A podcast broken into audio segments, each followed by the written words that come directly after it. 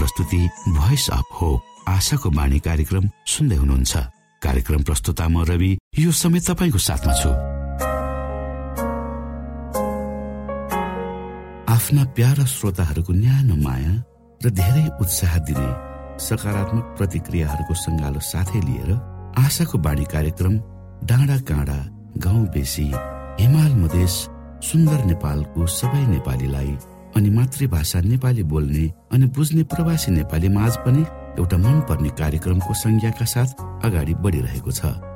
हरेक दिनको कार्यक्रमहरू नयाँ र विशेष आत्मिकी बनाउनु हरेक श्रोताको चाहनालाई समेट्ने प्रयास गर्नु र तपाईँ सबैलाई हाम्रो मुक्तिदाता को हुनुहुन्छ भनी परिचय गराउनु हाम्रो उद्देश्य हो। यसमा तपाईँले हामीलाई साथ दिनुभएको छ। यसको लागि तपाईँलाई हामी धेरै धेरै धन्यवाद दिन चाहन्छौ। परमेश्वरको नामको महिमा होस्। आज पनि हामी बाइबलबाट शिक्षाप्रद सन्देशहरू सुन्नेछौँ।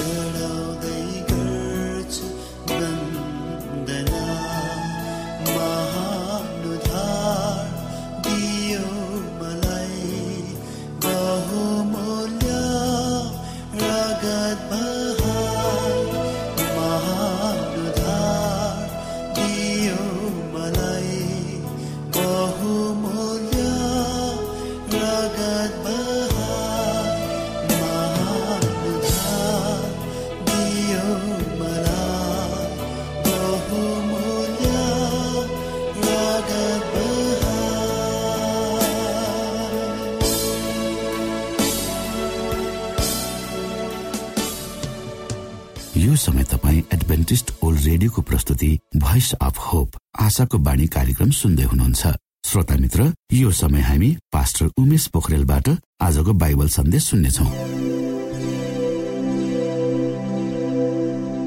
श्रोत साथी न्यानो अभिवादन साथ म तपाईँको आफ्नै आफन्त अर्थात् पास्टर उमेश पोखरेल परमेश्वरको वचन लिएर यो रेडियो कार्यक्रम मार्फत पुनः तपाईँहरूको बीचमा उपस्थित भएको छु। श्रोता आउनुहोस् तपाईँ हामी केही समय परमेश्वर सँगसँगै बिताउनेछु।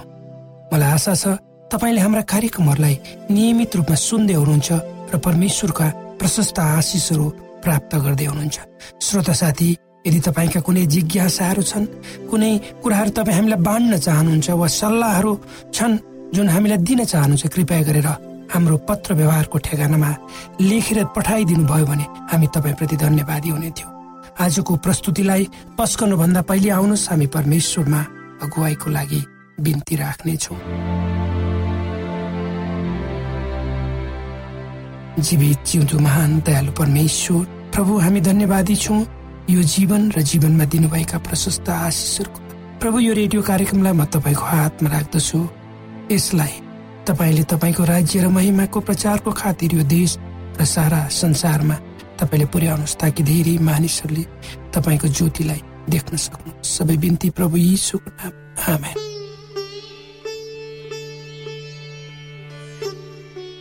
श्रोत साथी भनिन्छ तपाईँ हामीले बोल्ने शब्दहरू या त हाम्रो लागि फाइदाजनक वा हानिकारक हुन सक्छ। त्यसैले त हामी के बोल्छौँ त्योभन्दा पहिले सोची सम्झी बोल्यो भने त्यसले ल्याउने नकारात्मक प्रभावहरूबाट हामी बच्न सक्छौँ। त्यसको साथसाथै हामीले कुन सन्दर्भ र अर्थमा बोलेका हौँ त्यसको प्रतिफल प्राप्त गर्न सक्छौँ। आजको संसारमा हेर्दा धेरै प्रतिष्ठित मानिसहरू उनीहरूको अभिव्यक्तिको कारणले विवादमा पर्ने गरेका छन् र त्यसबाट कयौँको चरित्रमा पनि असर नपरेको होइन हामीले देखिरहेका छौँ। त्यसकारण हामी जहाँ जे जस्तो अवस्थामा किन नहौँ आफूले गर्नुपर्ने काम र व्यवहारको विषयमा कसैको बारेमा टिक्का टिप्पणी गर्नु परेमा होसियारी रहनुपर्छ। त्यही नै बुद्धिमानी हुन्छ।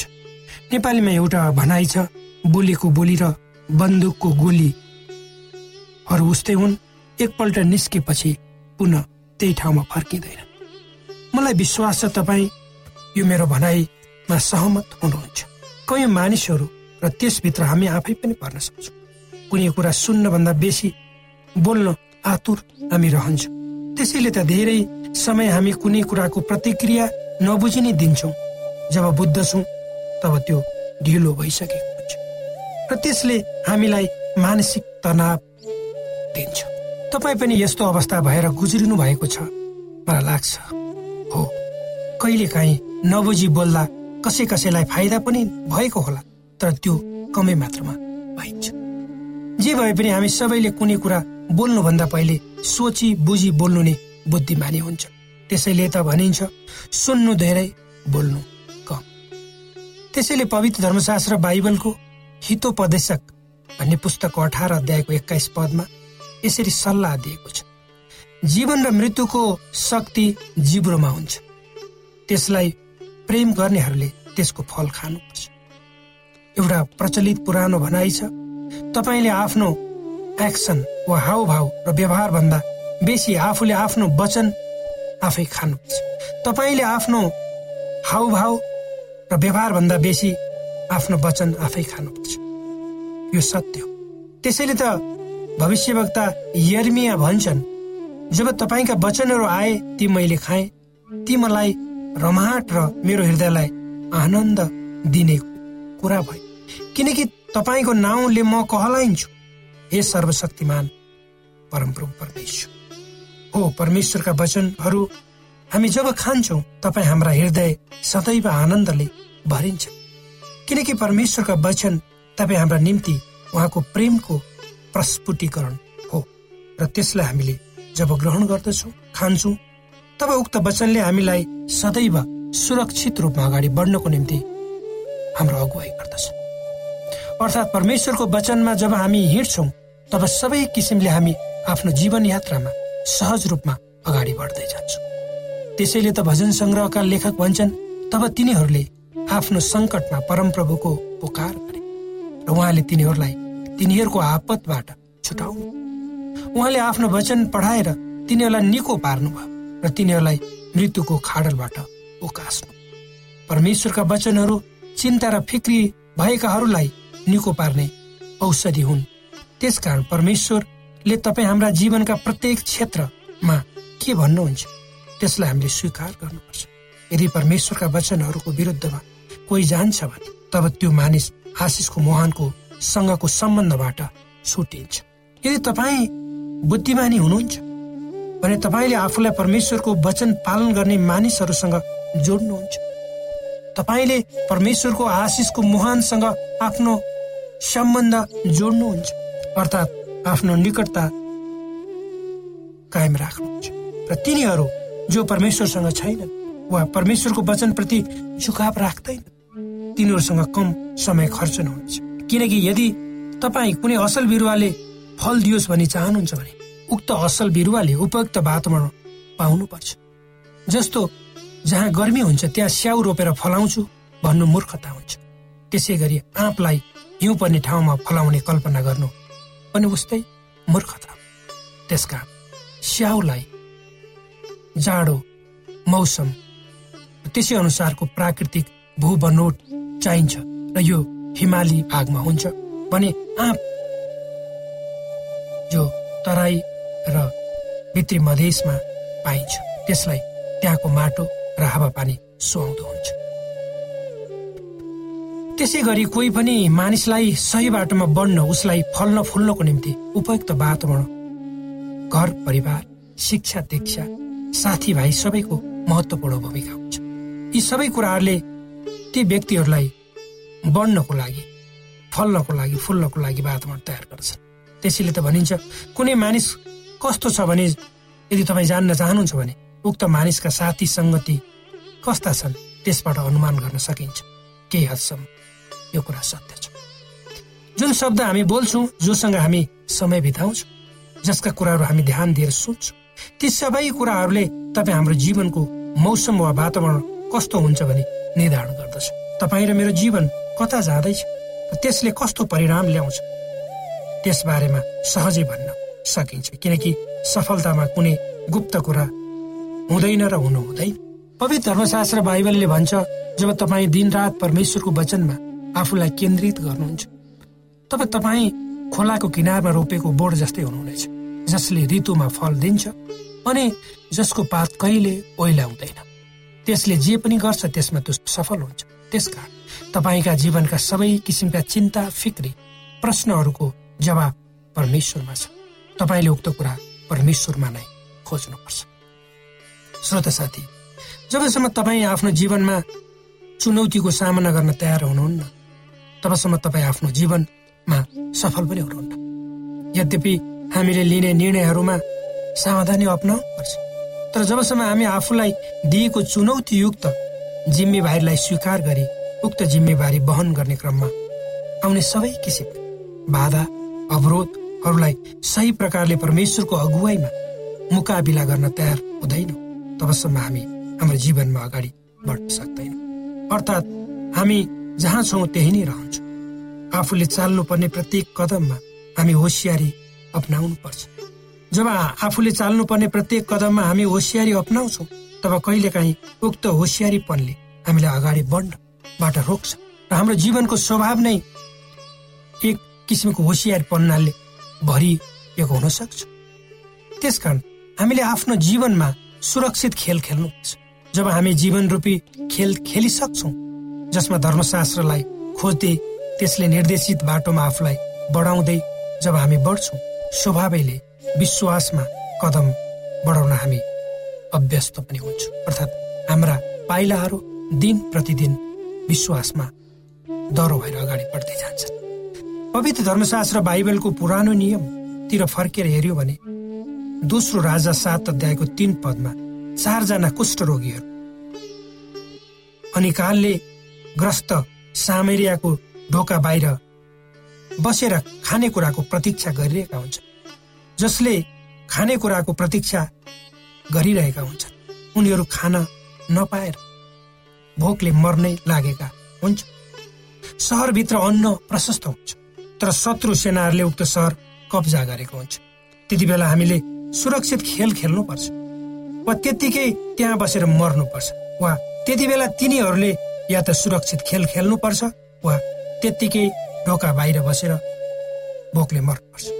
अथवा सहरभित्र गएर उनीहरूले खान दिन्छन् वा मार्छन् त्यसको निम्ति आँट पनि गर्नुपर्ने हुन्छ।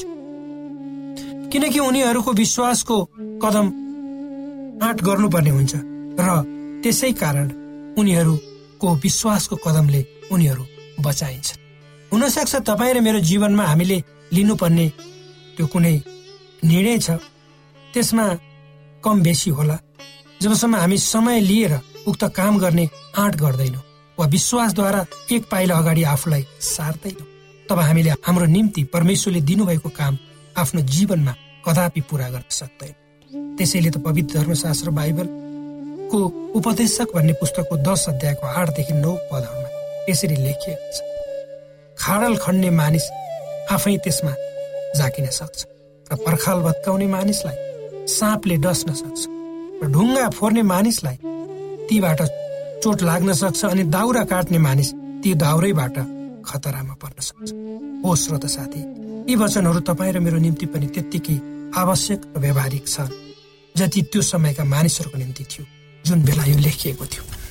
जब तपाईँ म सर्पको डसाईबाट तल खस्नबाट वा लड्नबाट चोटपटक लाग्नबाट र खतराबाट बस्ने कोसिस गर्दछु र केही पनि गर्दैन भने तब तपाईँ र मैले आफ्ना जीवनमा आउने सबै अवसरहरू गुमाउनेछु। कहिले नसोचेका कहिले सोचेका छौँ यो बारेमा? के तपाईँ हामी विश्वासद्वारा हिँड्नु भनेको एउटा राम्रो चुनौतीलाई स्वीकार गर्नु हो र अर्को कुरा बुद्धिमानीपूर्वक चुनौतीलाई सामना गर्न आफूलाई तयार गर्नु पनि हो। तब परमेश्वरको पुरस्कार तपाईँले प्राप्त गर्नुहुन्छ। त्यस विषयमा यसरी लेखिएको छ। बन्चरो बोधो छ र त्यो उद्याएको छैन भने ज्यादै बल गर्नुपर्छ तर सिपले सफलता ल्याउँछ। श्रोता साथी यी वचनहरूले तपाईँलाई आफ्नो जीवनमा आइपर्ने सम्पूर्ण किसिमका बाधा अवरोधहरू परीक्षाहरू अप्ठ्याराहरूसँग सामना गर्नको लागि परमेश्वरले अगुवाई गर्नुहोस्।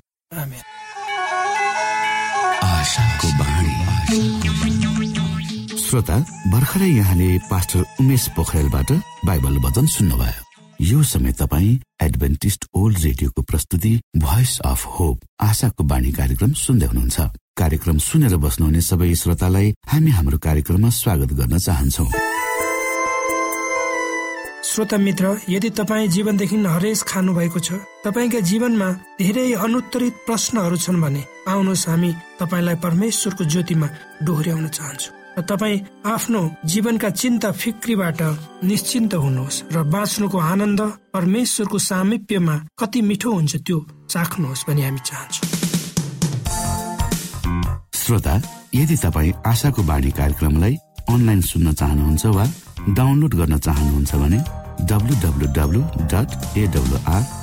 ओआरजीमा जानुहोस्। त्यहाँ तपाईँले प्रत्येक दिनको कार्यक्रम सुन्न र डाउनलोड गर्न सक्नुहुनेछ। हाम्रो वेब पेज यस प्रकार छ डब्लु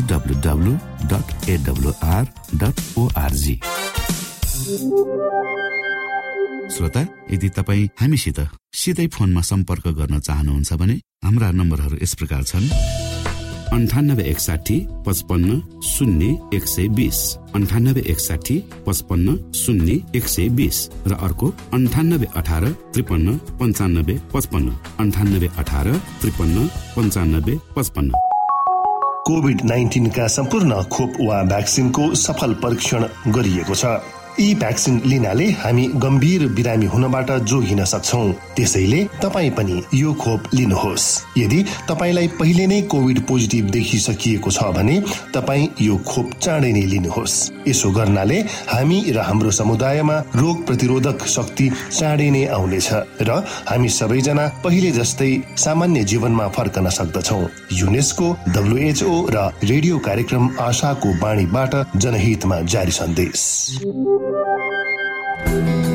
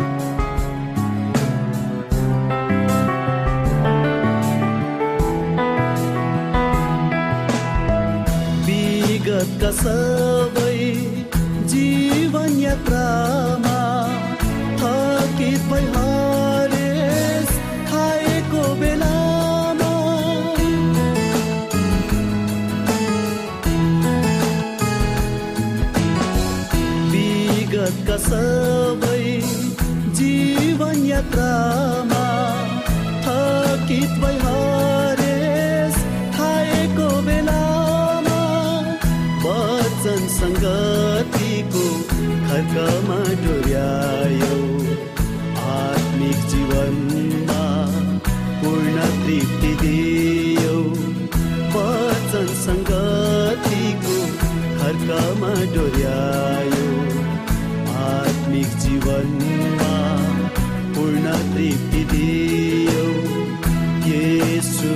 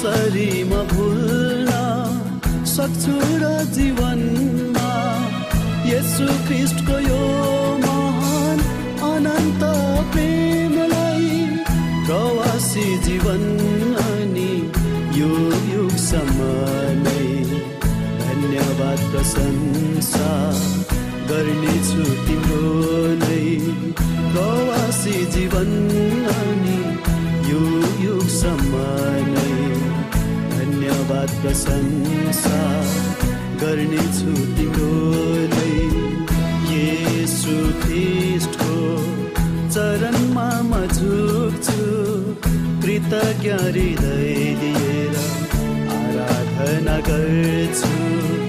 येसु ख्रिस्टको चरणमा म झुक्छु कृतज्ञ हृदय दिएर आराधना गर्छु।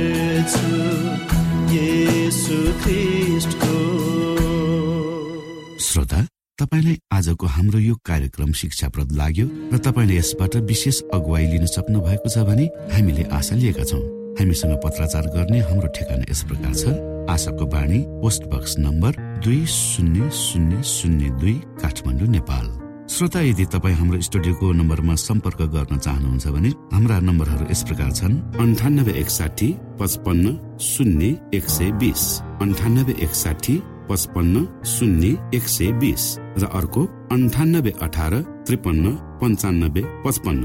अन्ठानब्बे अठार त्रिपन्न पन्चानब्बे पचपन्न। हवस् त श्रोता भोलि फेरि यही स्टेशन र यही समयमा यहाँसँग भेट्ने आशा राख्दै प्राविधिक साथी राजु साडा पास्टर उमेश पोखरेल र कार्यक्रम प्रस्तुता म रवि। यहाँसँग विदा माग्दछौ। नमस्कार।